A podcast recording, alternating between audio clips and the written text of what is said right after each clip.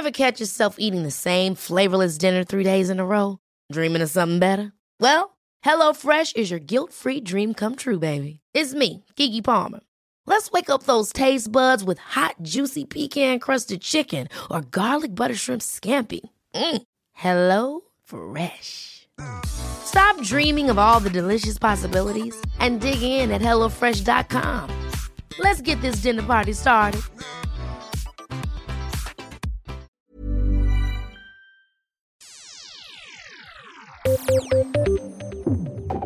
Regjeringen åpner internettet for PST på jakt etter trusler mot rikets sikkerhet. PSTs assisterende sjef Hedvig Mo lover å ikke bruke åpningen til å snuse i folks privatliv. Så ja vel, da skal vi bare stole på henne. Hvor lenge må du løpe for å forbrenne 60 gram med sjokolade? Dette spørsmålet fikk elever på videregående skole på eksamen. Dette kan trygge spiseforstyrrelser, mener elevene, og ber seg frabedt kroppspress i matematikkfaget. Har de et poeng? 13-åringer på TikTok dras inn i en verden full av ekstrem trening. TikTok-minister Anette Trettebergstuen er rystet og mener det er skadelig, eh, og vil ta dette opp med kineserne. Mens støttespillerne på sin side mener at gymbro, et eh, fenomen på TikTok, øker tenåringers eh, fokus på trening og bedre livsstil, for er det egentlig så farlig? Du hører på Etikk og estetikk. Podkasten er tilbake i sin fjerde sesong og sesongavsluttende tiende episode. Produsent er Adrian Eriksen, researcher Peter André Hegg og programleder det er meg, Danby Choi.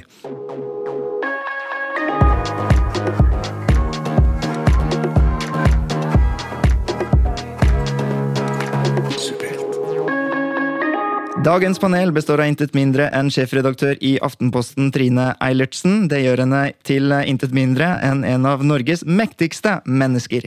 For ikke lenge siden fikk hun Hadia Tajik til å forlate politikken, riktignok bare i en periode, for karrierekvinner de gjør comeback. Hun er utdannet siviløkonom fra Norges handelshøyskole og har en master i sammenlignende politikk fra UiB. Etter utdannelsen jobbet hun i Statoil frem til, frem til dette ble så politisk ukorrekt at hun ble økonomi økonomijournalist i Bergens Tidende i stedet. Da var du, som lytter til denne podkasten, rundt fem år gammel, i alle fall om du er en representant for medianleseren til Subjekt. For rundt årtusenskiftet ble hun politisk redaktør i samme avis, BT, og i 2008 ble hun forfremmet til sjefredaktør. Det var hun frem til 2013, for da flyttet hun til storbyen for å bli politisk kommentator i NRK. Eilertsen var ikke så lenge i Statskanalen før hun i 2014 ble hentet inn til hennes nåværende arbeidsgiver, Aftenposten. Først som politisk redaktør, og fra 2020 som sjefsredaktør. Som Aftenposten-redaktør har hun vært en kjent stemme og kommentator i norsk offentlighet, også som fast deltaker i podkasten til Aftenposten, Aftenpodden. Men nå er hun altså på vår podkast. Velkommen så mye til deg, Trine Eilertsen. Tusen takk. Vi i Subjekt vi kåret deg til Kultur-Norges 50 Nei, unnskyld. 50 mektigste. Er du enig i den plasseringen? Ja. For å stille et eh, tidsriktig spørsmål. Har du sjekket dine privilegier? Mine privilegier? Ja, Du som er femte mektigst og sånn. Ja, nei, Hvordan drøfter du ved det? Nei, nei altså privilegier. Eh, jeg, jeg, er ekstremt privilegert på alle vis. Eh, men jeg syns det er interessant å, å, reflektere over det. Rett og slett fordi jeg kom inn i den bransjen jeg er i, i en tid da det var ingen så for seg en kvinnelig sjefredaktør i Aftenposten. Ingen så knapt for seg en kvinnelig altså, Det var få økonomijournalister, det var få kommentatorer. så Vi liksom begynte der at vi måtte, måtte forklare hvorfor vi var med, omtrent. Så det har skjedd mye på de årene. Dere i Aftenposten dere beklaget nylig til Hadia Tajik. Kan du forklare litt hva det gikk ut på? Du, Det gikk ut på vår håndtering av en bekymring som vi fikk høre om i mai. At det var mannen til en avdelingsleder hos oss, hun som har ledet jobbingen med pendlerboligsakene, drev og ytret seg i fristil på sosiale medier, særlig Facebook, da, inne på en lukket gruppe der, der han karakteriserte Hadia Tajik i sterke ordelag og mente sterkt om både journalistikken og saken. Vi hadde ikke fanget det opp. Det tok for lang tid før vi gjorde noe med det og fikk gått inn i og tatt tak i den bekymringen. Er det en binding her? Bør vi gjøre noe med ledelsen av dette arbeidet for å for å dempe den bekymringen hos Hadia Tajik. Det har vi gjort, men det tok for lang tid, og det har vi beklaget. Um, pressen gjør altså også feil. Ofte blir vi beskyldt for å være dårlige på å beklage. Syns du det selv? Vi er blitt bedre. Eh, vi har fremdeles mer å gå på. Men eh, igjen, jeg har vært i denne bransjen så lenge at jeg husker da vi kunne tillate oss å bare overse klager og bare dysse de ned. For det var hvem skulle vite det? Hen skulle de gå?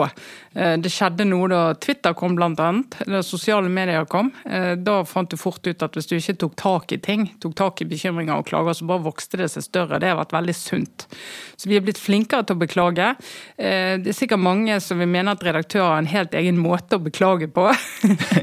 som eh, ikke alltid fremstår som så veldig ydmyk, men eh, vi jobber med saken. Er det av typen sånn eh, 'vi beklager at du føler det sånn'? Ja, det kan, det kan nesten gå inn i det landskapet, men det, det er ofte disse beklagelsene er liksom filt og spikket og styrt, og det er sånn interne hensyn, eksterne hensyn og hensyn til den du beklager til, og det er mye av og til de kryptiske, de beklagelsene. Det må, det må jeg innrømme. Ja, for det kan jo føles litt sånn ynkelig også, i hvert fall når medier beklager til politikere og sånn, at vi liksom gir etter etter kan gi jo en sånn smak av det, kanskje.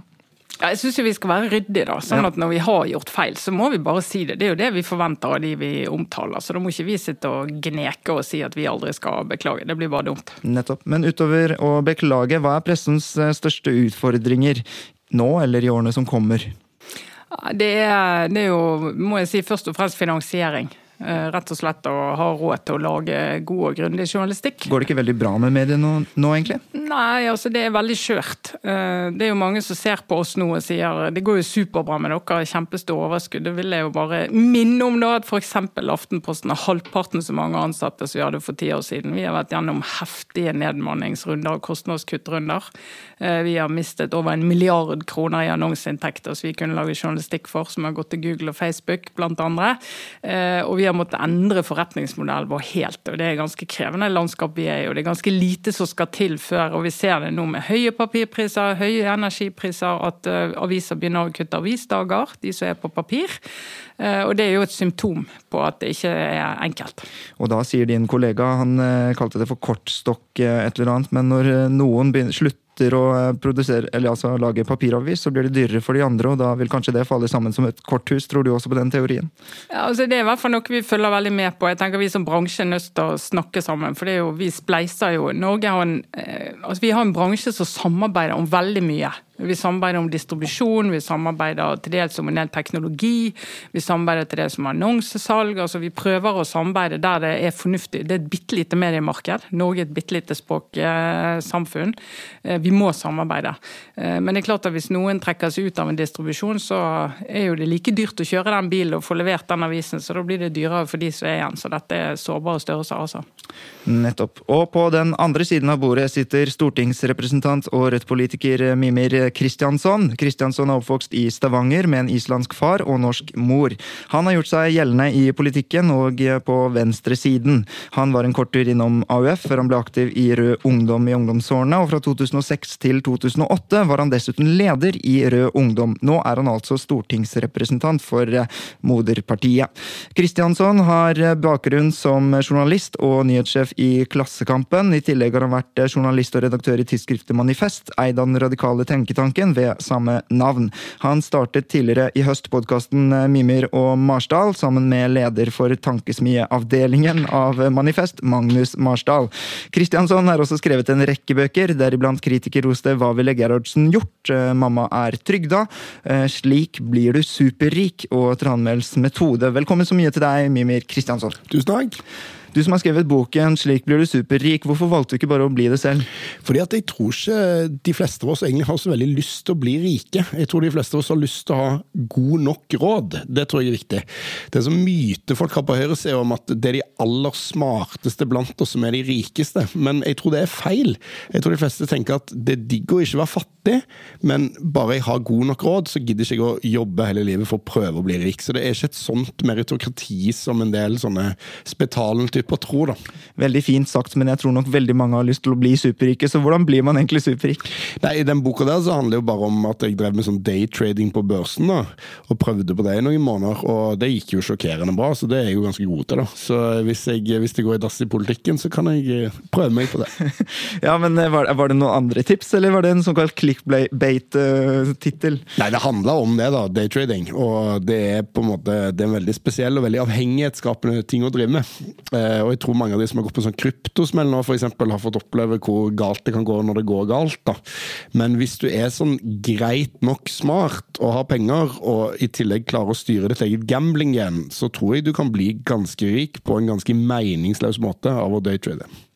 Flere av våre lesere, vi dekket jo dette veldig tett, vil kanskje kjenne deg igjen fra arbeidet med Ytringsfrihetskommisjonen, og som deltaker i Sløserikommisjonen, ikke minst. Hvordan var det å stå i de stormene? Det var veldig rart, fordi at altså, jeg hadde vært med på en eh, Morten Traavik-forestilling før. altså Det er han som lagde Sløserikommisjonen.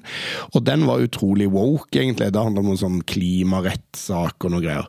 Så når han ringte og spurte meg skulle være med som Sløserikommisjonen, og du kan få 10 000 kroner, det holdt jeg på å si, så ja, ja, det blir ingen problem, det. Og så tenkte jeg ikke på det en, en, stund, da. Og så plutselig begynner folk å ta kontakt med meg, som jeg kjenner fra den radikale venstresida, sånn radikal venstreside scenekunstmiljøet. da. Og jeg er sånn, vet du hva du har blitt med på nå? Og, sånn. og når de la det fram, så hørtes det ut som dette skulle være liksom den reneste nynazisme, på en måte. Så jeg fikk jo litt hett da, så jeg måtte jo ringe Morten. Hva er det du på med? liksom? Hvem er han, en sløseriombudsmann og sånn? Men så viste det seg at dette var du kan mene det er bra, du kan mene det er dårlig, men dette er altså bare en fyr som problematiserer at man skal gi offentlig støtte til kunstnere. Det er det som er greia. Og hvis ikke det er innenfor samtalerommet i Norge, så er det ganske absurd. Ja, tenk at du kalte noen for eh, radikal venstreside. Mener du at eh, det finnes noen eh, Hvem er det egentlig, utover scenekunstnere som kanskje ikke egentlig fester det til noe ideologi? Nei, det var kanskje Altså, jeg er på radikale venstresida sjøl, men kanskje et dårlig begrep å bruke. Men denne woke venstresida, den er jo i, Den er vel i utkanten av Rødt, men det er vel ikke vårt primære prosjekt, tror jeg egentlig. Nei, du skrev faktisk i Subjekt at um, venstresidens prosjekt må være noe større større enn å luke ut uh, noen sånne enkle folk med rare meninger, liksom. Ja, da hadde vi jo luka ut oss sjøl veldig fort, da. Det, ja. det, er jo det som er poenget. ja. Um, du har, eh, er ikke bare kjent fra Dagsnytt 18, Debatten, leserinnlegg og talerstolen i stortingssalen. Du er også kjent fra Farmen kjendis. Hva tror du Gerhardsen hadde gjort om han deltok der? Jeg tror han ville vært bedre til å jobbe enn de andre, andre som var der når jeg var med. da. Men, eh, men nei, jeg, jeg, jeg tipper han ville vunnet. Jeg altså, tror ikke sånne, Før i tida så kunne folk alt mulig sånn rart som de kan på gård. Han vokste vokst opp på, på den tida der man skal drive gården på. Så jeg tror han, eh, han ville stilt sterkt i Farmerset.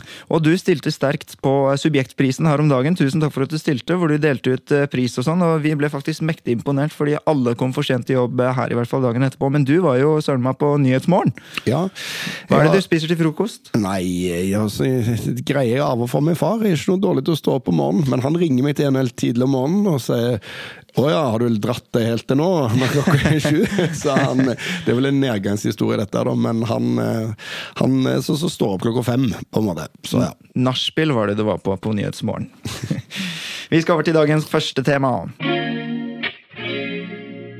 heter Sofie Elise, og du hører på Etikk og estetikk, en podkast fra Subjekt.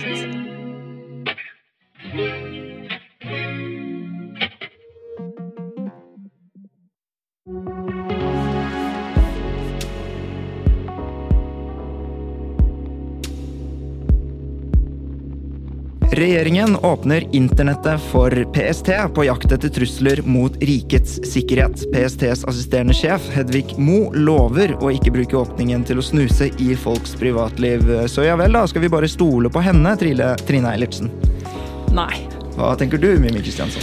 Nei, Det blir jo kjedelig, dette, men det er jo nei her òg, da. Ja, men, skal jo hvorfor... helst aldri stole på PST nei. på den måten. Nei, men Hvorfor ikke? De skal jo bekjempe høyreekstremisme, terror. Er du for det, du? Eh, ja, da er jo jeg for terror og høyreekstremisme. Nei, altså jeg sier nei litt fordi at eh, jeg syns det er sunt å si eh, nei, fordi at da kan vi problematisere når du skal si ja. Og ikke til å åpne det helt, men når du skal gjøre det. Jeg syns det skal være ekstremt godt begrunnet før du bruker sånne virkemidler. Og det som jeg er skeptisk til. Det er en litt sånn eh, hva skal jeg si, veldig liberalisering, der du nesten uten å gå innom noen ekstra kontrollinstanser kan åpne opp for å, for, for å følge veldig mange mennesker som egentlig du ikke har noen grunn til å mistenke for noen ting. Eh, jeg tror vi ser nesten uten unntak i samfunn som har åpnet for det, så har det på et eller annet nivå blitt misbrukt. Som så med mindre noen beviser for meg at det aldri blir misbrukt, og at det aldri er en fare mot enkeltindividers frihet til å ytre seg, til å følge med på ting som de er interessert i, til å ha relasjoner som de er opptatt av, eh, så er mitt utgangspunkt skepsis. Ja, for formålet sitat, er ikke å følge med på eller overvåke enkeltpersoner. Formålet er å kunne utarbeide analyser og etterretningsvurderinger om trender og utviklinger på et overordnet nivå. Det kan i hvert fall Mehl eh, forsikre om. Men de som problematiserer dette, de har vel aldri påstått at formålet til PST er å følge med på eller overvåke enkeltpersoner. Det prinsipielle problemet oppstår vel ved at en slik lov muliggjør nettopp det. Ja, og så er det jo eh, Trine nevnte jo andre land og sånn, men den norske historien med norsk overvåkingspoliti er jo heller ikke en, en eh, gullrekke av gode greier. Altså, Det foregikk jo gjennom hele kalde krigen, hele eh, 70-tallet, en ekstrem registrering, kartlegging, overvåking av Altså Ikke bare kommunister, men folk som var så uheldige å være på samme pub som kommunister til enhver tid. Og det, Et sånt system da, det driver seg sjøl på en eller annen måte. sånn at Hvis du begynner å sette sette folk til å passe på sånne ting, analysere sånne trender, så vil de måtte trenge flere som da vil de ansette, bemanne opp, og så vil du ha liksom hele det greia. da. Så jeg tror det er veldig farlig å gi overvåkingstjenestene i et land økte fullmakter. da. Men nå er det jo likevel sånn at de størrelsene de prøver å kjempe mot her, er så store, og ikke minst så er dette egentlig bare en sånn lov som um, med overføringsverdi til internett skal gi dem samme muligheter som de hadde før. Eh, hvordan skal PST følge etter og være relevante mot Kina og Russland når de har fritt frem? Nei, altså jeg, Hvis du har en eh, bakgrunnssamtale eller du sitter og snakker med en i PST om hva de følger med på, hva de er opptatt av, så kan du gå kaldt nedover ryggen på det og du tenker å gud bedre, her, eh, her, er, det, her er det mye mørkt. Mm. og det er jo mye mørkt, men det som i hvert fall når jeg har hatt sånne samtaler, så har det handler det jo om at de overvåker folk med en grunn. Altså Du går inn i det, det er noen steg før du går inn og sier nå følger vi med på disse her. Og det er noen som kontrollerer at du ikke begynner å følge med på mange andre. Altså, og det, det skal jo helt sikkert være kontrollmekanismer i dette, men jeg tenker at Eh, det er lurt å starte med skepsis, og så må du liksom se hvordan man har trengt å ramme det inn. fordi at vi har sett også i Norge, som eh, vi sier, eksempler på at altså, det er jo bare mennesker som sitter og styrer disse. her. Mm. Mennesker de har gode og dårlige sider, og de har mandater og alt det der. Men det er menneskelig å gå utover mandatet sitt, gå utover reglene sine hvis ikke det er kontroll. Og på akkurat disse tingene her er det ganske farlig. Ja, og hvis man skal Målet her er å forsvare det liberale demokratiet, de verdiene vi har i Norge. Og hvis midlene man må bruke til å forsvare det målet, er å etterape det Russland gjør, Kina gjør, Qatar gjør, alt mulig, da går på en måte målet tapt på veien. da. Mm. Sånn at Det er jo selvfølgelig et evig dilemma, men det går ikke an å forsvare det liberale demokratiet med illiberale midler, selv om det virker, kan virke fristende sikkert for den eh, der og da, liksom. Men det, da er man galt av sted. da. Det er eh, kult at du nevner liberale demokratier, fordi eh, også Rødt, som mange ønsker at skal være liksom det autoritære partiet, de har også f.eks. For foreslått, som presseorganisasjonene har støttet nylig, eh, en anonyme søk i skattelistene f.eks. Og hvorfor er det sånn, du som har vært politisk kommentator lenge, at det, det er partiet Høyre, og gjerne liksom liberalkonservative Høyre, som alltid er for å liksom De vil ikke ha lagring i fem år, de vil ha lagring i 15 år, de, hos PST. Mm. Hvorfor er det alltid liksom høyresiden som er minst liberale på disse spørsmålene, og mest Rødt, som vil ha sterk stat, som har mest mot PST? Nei, Jeg tror jo det handler om eh, hvilken tillit man har til, eh, til de som utøver dette. Sant? Hva tillit har du til PST, hva tillit har du til staten? og hvis den er, Jeg skal ikke bruke ordet blind, men eh, hvis den nærmer seg det, så om det er 10 eller 15 spiller ingen rolle. De må bare ha det så lenge de trenger det. Mens hvis du står et sted hvor du ser at det er godt begrunnet, og ikke stole blindt på alle statlige institusjoner absolutt hele tiden, det kan være grunn til å stille spørsmål underveis, at du har kontrollmekanismer, så har du kanskje en annen skepsis da. Ja, Men stoler eh, Høyre mer på PST enn eh, Rødt gjør? Jeg tror på politi, altså si ja. politifunksjonen, PST, den delen av statsapparatet, vil jeg tro at mange Høyre-velgere stoler mer på i utgangspunktet enn en del eh, Rødt-velgere gjør. Nå skal jeg avsløre at jeg leser din egen avis bedre enn deg sjøl, for du nylig hadde Aftenposten en sak. men, nei, men, nei, men, det var nylig en sak om, om partivelgernes tillit til forskjellige ting, bl.a. hemmelige tjenester. Da. Det er jo mye tillit Norge, da. Ja, og det er er det i Rødt òg. Rødt-velgerne har også høy Ja. tillit til PST. Men Rødt-velgerne har minst tillit til PST. Mm. Og noe av det er forklarlig. Mange av de har blitt overvåka sjøl. De har eh, foreldre som har blitt overvåka. Men noe av det er jo også sånn når du er sånn opposisjonell og radikal, så er du på en måte i skuddlinjen for det som vil bli kartlagt på en sånn måte. da. Og da tenker jeg nok at mer enn høyresida, er sånn styringspartiene, Arbeiderpartiet og Høyre, har vel stor tiltro til at politiet gjør jobben sin og de hemmelige tjenestene kan vi styre, da. Mens fløypartiene, de som er i opposisjon, det er jo de som det er litt risiko for, da, hvis man setter i gang sånn. Men, men eh, jeg fikk liksom ikke helt eh, Jeg prøver til deg også. Hvordan skal vi bekjempe terror, høyreekstremisme og alle disse tingene på internett, uten at det blir et sånn personvernsspørsmål? For det gikk før internett, visstnok.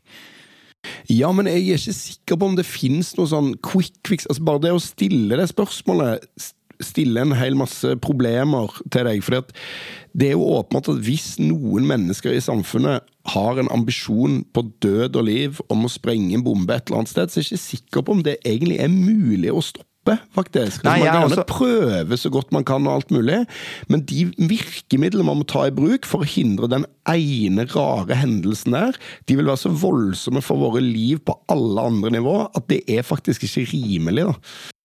Sist, sist jeg snakket med PST om dette, som var vel ja, det var i forfjor kanskje, eh, da var jo hovedbudskapet at det vi, det vi er mest redd for, det er jo disse enkeltpersonene. ikke sant? Sånne soloterrorister, eh, som vi jo har erfaring med her i Norge i aller høyeste grad. Som ikke, de driver ikke og ytrer seg på internett. De driver ikke og har dialog med andre meningsfeller. Sant? De holder på å putle alene med bomben eller eh, våpnene sine, eller hva det måtte være. Noen kan bli inspirert og alt det, men de som virkelig har gjennomføringsevne, som jo er det vi snakker om her. Du må ha, en ting er at du må ha vilje og motivasjon, men du må også ha gjennomføringsevne. De er ganske få eh, som har det. Men mange av de, de har ikke kommunikasjon med andre. Sånn at når de liksom rammer inn det de overvåker mest, så er det jo, jo de følger med på det miljøet for å se hvem som står opp som profiler, og kanskje plutselig går under jorden. og tenker, her blir det han der fyren, liksom, skal prøve å finne ut hvor han er. Men da vet de jo hvem de er på jakt etter, og da sitter ikke de og liksom går sånn bredt ut og inn i alt mulig som alle driver med. Det er jo mye rart vi kan holde på med uten at vi har verken intensjon eller evne til å drive med terror eller andre grusomme ting. Ja, for jeg husker Vi lagde en sak, jeg husker ikke helt hvordan den gikk, men det var et eller annet uh, utrolig merkelig som slo ut da på radaren til eh, PST. Som, uh, uh, som, som noe statskri, som noe veldig sånn statskritisk, da, eller en trussel mot rikets sikkerhet. liksom, og det, det er jo hele poenget med et liberalt demokrati og ytringsfrihet og alt mulig, at det skal være mulig å være statskritisk. Og, ja, og en trussel mot regjeringens eh, omdømme, i hvert fall. Ja, og det er jo en sånn lærdom i hvert fall man bør trekke hvis man er på den radikale venstresida. Det at å drive og ha kontroll med alle borgerne hele tida, hele, eh, hele veien, ikke er så veldig bra samfunn du ender opp i. da, Selv om det, ja, man føler vel at man har god kontroll en periode, så, så ender jo det i, i diktatur. da, Det er jo det det. Er det. Da konkluderer vi med nei på spørsmål nummer én. Vi skal over til tema nummer to. Yo! Det er Uge Marstein eh, her, fra Undergrunn Klikk. Du hører på Etikk og estetikk av Subjekt. You know the shit.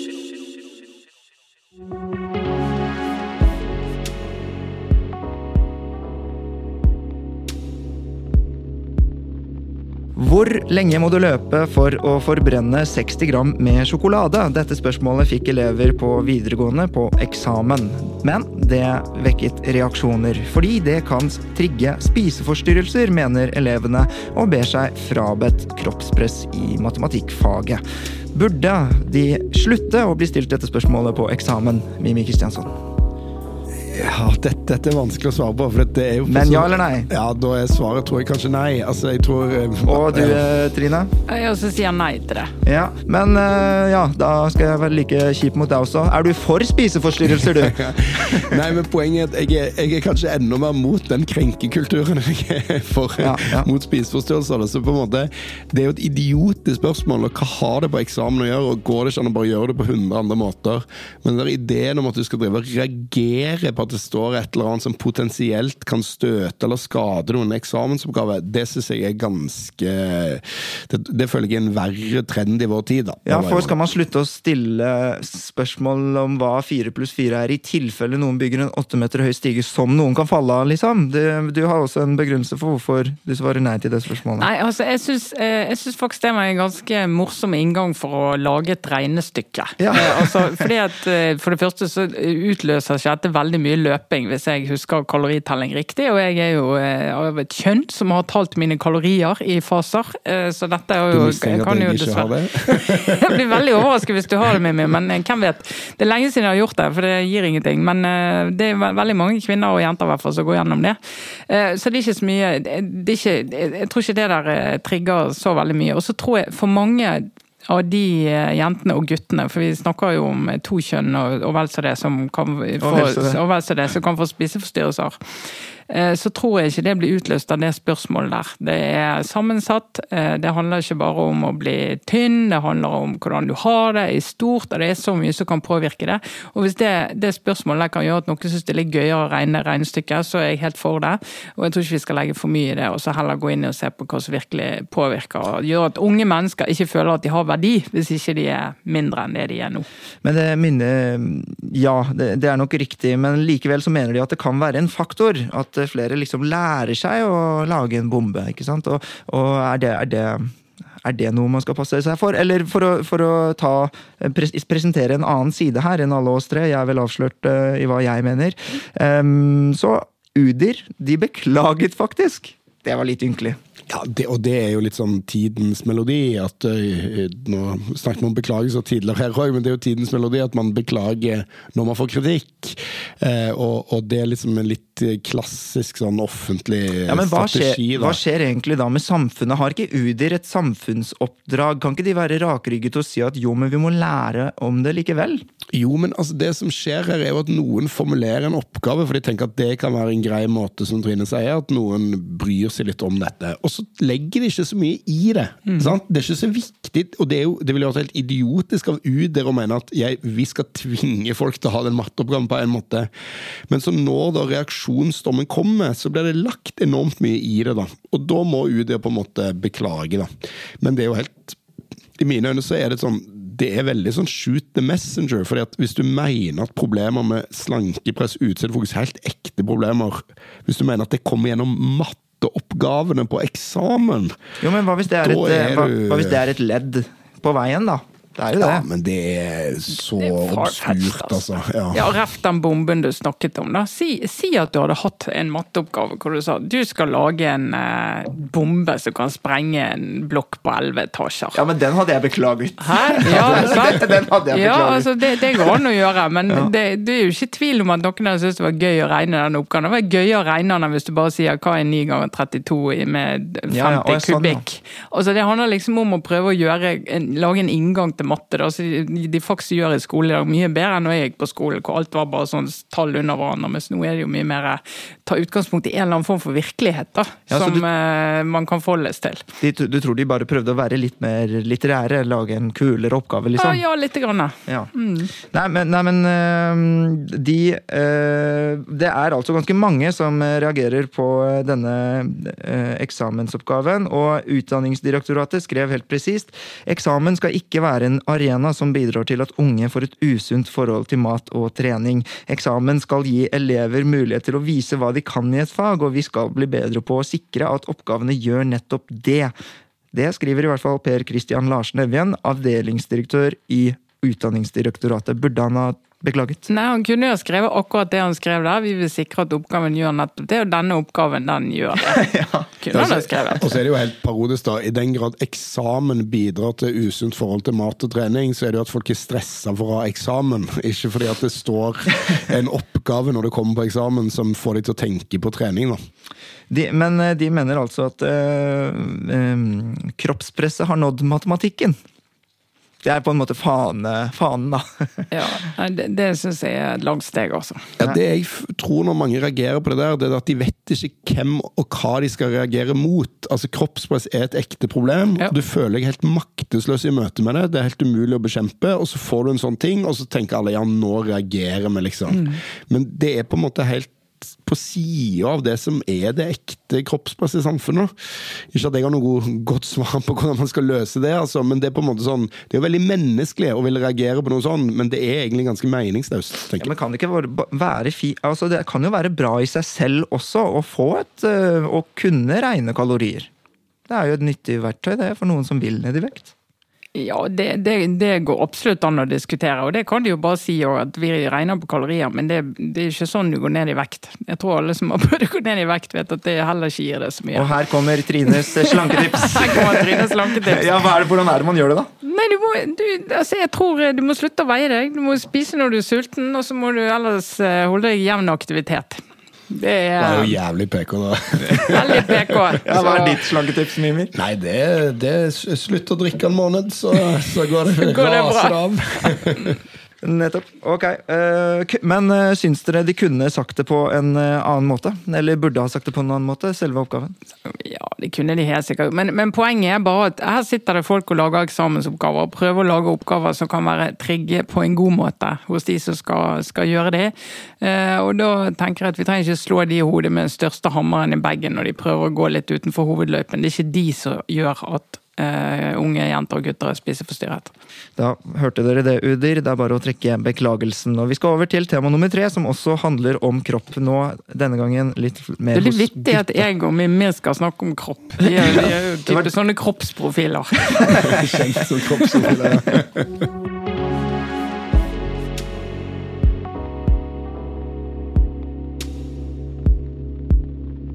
13-åringer på TikTok dras inn i en verden full av ekstrem trening. Medieminister Anette Trettebergstuen hun er rystet, intet mindre, og mener det er skadelig, og vil ta det opp med kineserne som eier TikTok.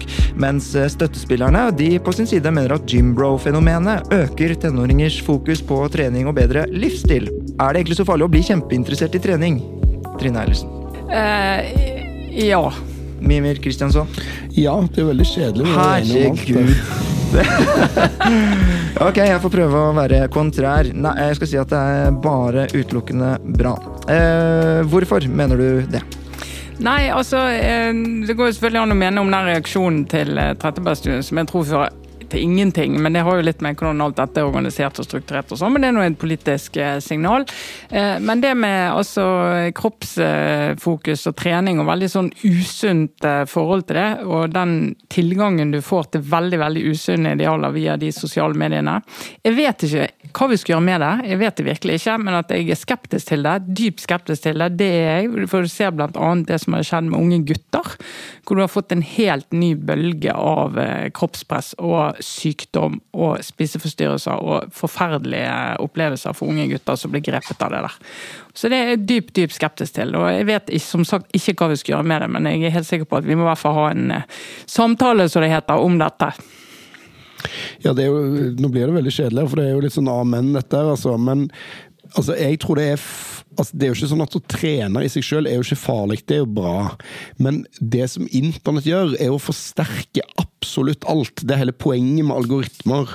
Sånn at hvis du er på en måte glad i venstreradikal politikk på internett, da, så begynner du hos Bernie Sanders og ender opp hos Pål Steigan. Og hvis du, hvis du er glad i, i treningsvideoer på internett, så begynner du sikkert et ganske sunt sted og ender opp et ganske usunt sted. Sånn at den kombinasjonen av det der algoritmedrevne universet der med unge menneskers da, iboende dårlig sjølbilde, det tror jeg aldri kan avskaffes, det vil alltid ha. Den tror jeg er ganske skadelig. Da. Men så er det jo faktisk sånn at eh, fedme er et eh, voksende problem også i Vesten. Et av eh, Vestens største folkehelseproblemer. Og, og det, liksom, alt er jo farlig, og de skal ikke ruse seg og går i stedet på treningssenteret. Er ikke dette en av de heller bedre tingene?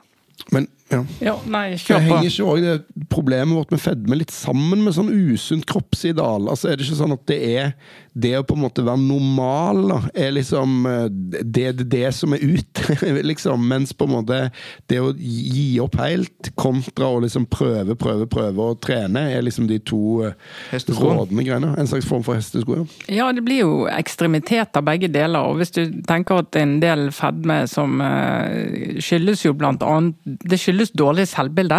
Det skyldes at du har en vanskelig livssituasjon, det kan skyldes at du har veldig dårlig råd, det kan skyldes at du er syk, eh, det kan skyldes at du bruker eh, mat for, for, å, for å trøste deg eller kompensere for ting. altså Dette vet vi, og det kan bl.a. handle om at du trøster deg sjøl for at du ikke er sprek nok og tynn nok og flink nok. Du kommer inn i disse spiralene. sånn at disse ytterpunktene her, de kan jo forsterke hverandre i verste fall. Og som sagt, vi skal ikke tro at det liksom nytter å snakke med disse her store sosiale medieplattformene sånn en gang iblant, men jeg tenker jo at alle voksne må jo snakke om dette, hva det betyr og hva disse algoritmene betyr. For hvis vi ikke, hvis vi ikke er opptatt av det, så de algoritmene de er selvforsterkende. Det blir bare mer og mer og mer. og mer. Og Hvis du ser disse tenåringene som sitter inne i det universet og- hele tiden kjenner på hvor utilstrekkelige de er, eh, så har du omsorg for dem, altså. Gjennom mine 13 år med grunnskole lærte jeg tilnærmet ingenting om hvordan å bygge muskler, eller hvordan man kunne gå opp eller ned i vekt ved å kontrollere inntak av kalorier, skriver eh, filosofistudent Jack Chen i Nettavisen. Det er litt morsomt, fordi at vi i forrige sekvens snakket om disse jentene som reagerte sånn over å lære seg å telle kalorier, men at eh, kroppspresset hadde nådd eh, matematikken, mens Jack Chen på sin side han klager over at han i sine 13 år på barne- og ungdomsskolen ikke lærte mer om eget kosthold. Hvor, hvordan kan, eh, er det egentlig en løsning kanskje at man skal trosse jentene og lære mer om kosthold, så han slipper å finne det på TikTok? Altså, Én ting er jo å lære om kosthold, eller å ha kroppsøving hver dag, da, som er en mulig i- idé til en sånn folkehelsereform. Men å lære unger å bygge muskler eller gå opp og ned i vekt altså Alt det der er usunne mål, faktisk.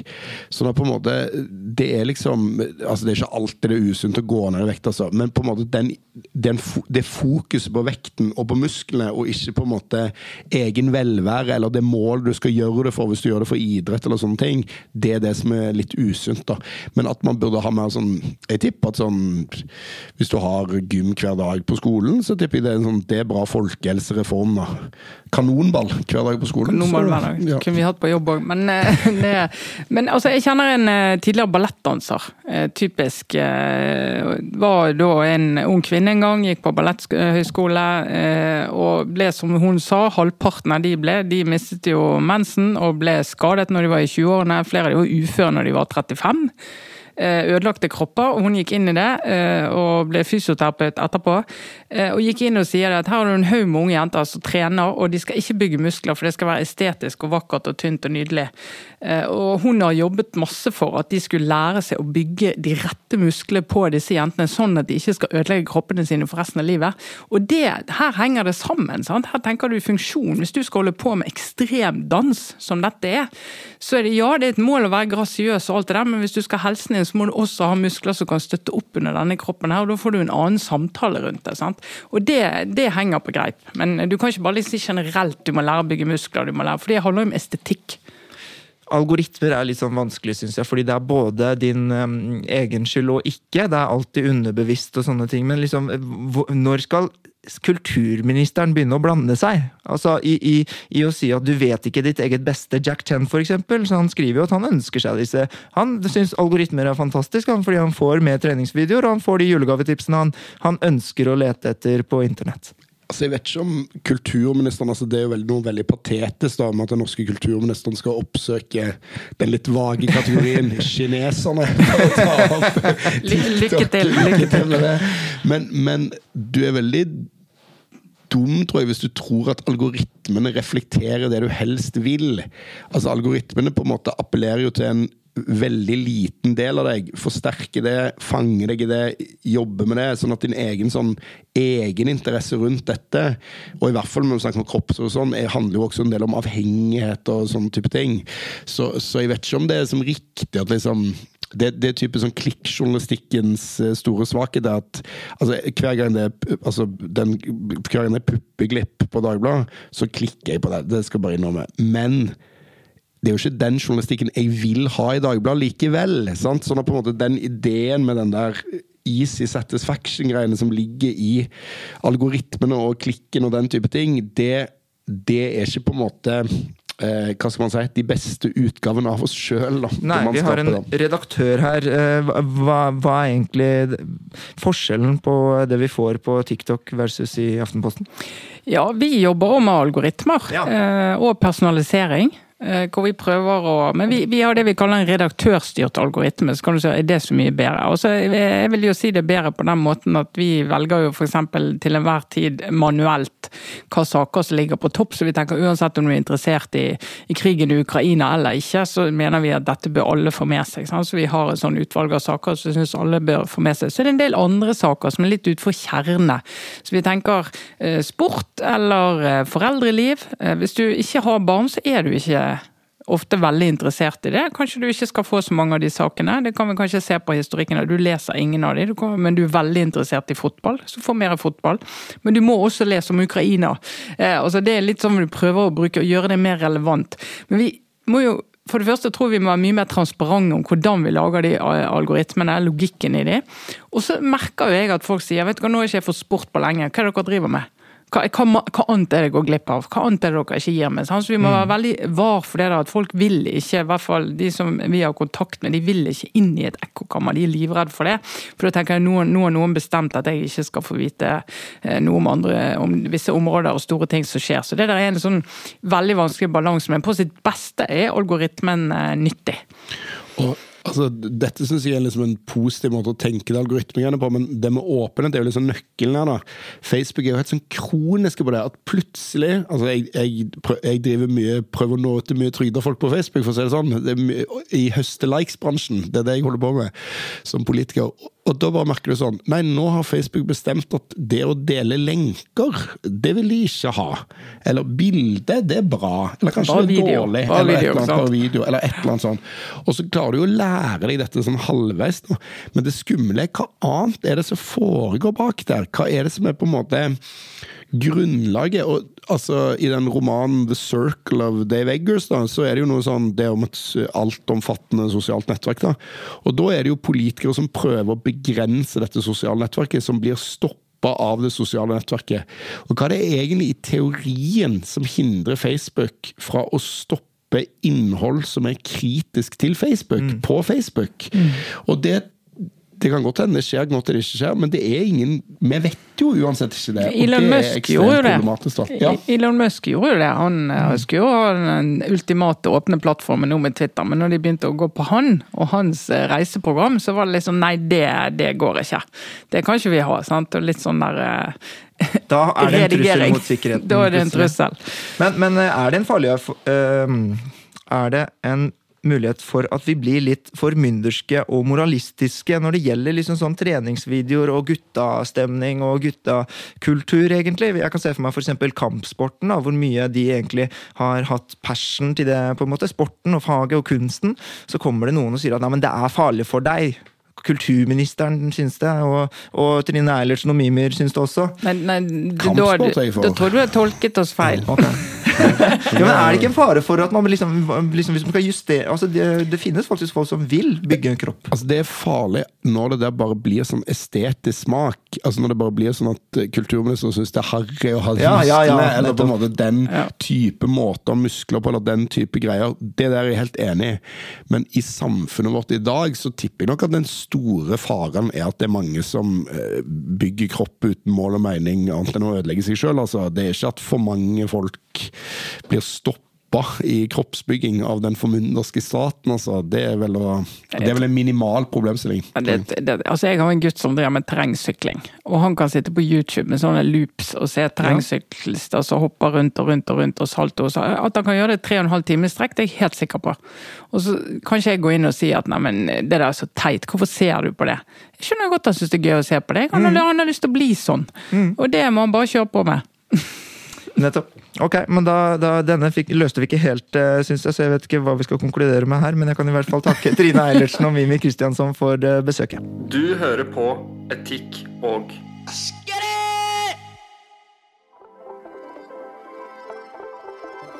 Tusen takk til eh, gjestene som eh, nok en gang eh, bidrar med kunnskap og klokskap til subjekt og etikk og estetikk.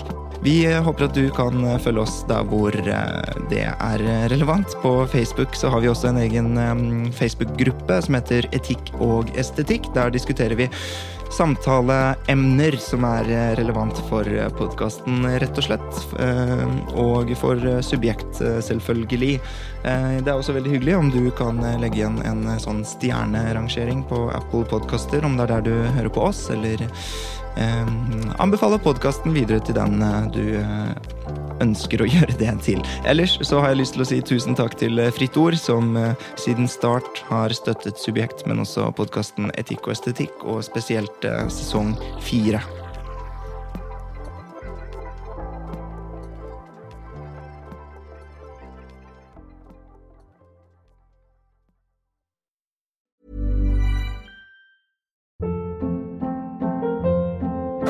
Hold up. What was that? Boring. No flavor. That was as bad as those leftovers you ate all week. Kiki Palmer here, and it's time to say hello to something fresh and guilt-free. Hello Fresh. Jazz up dinner with pecan-crusted chicken or garlic butter shrimp scampi. Now that's music to my mouth. Hello Fresh. Let's get this dinner party started. Discover all the delicious possibilities at hellofresh.com.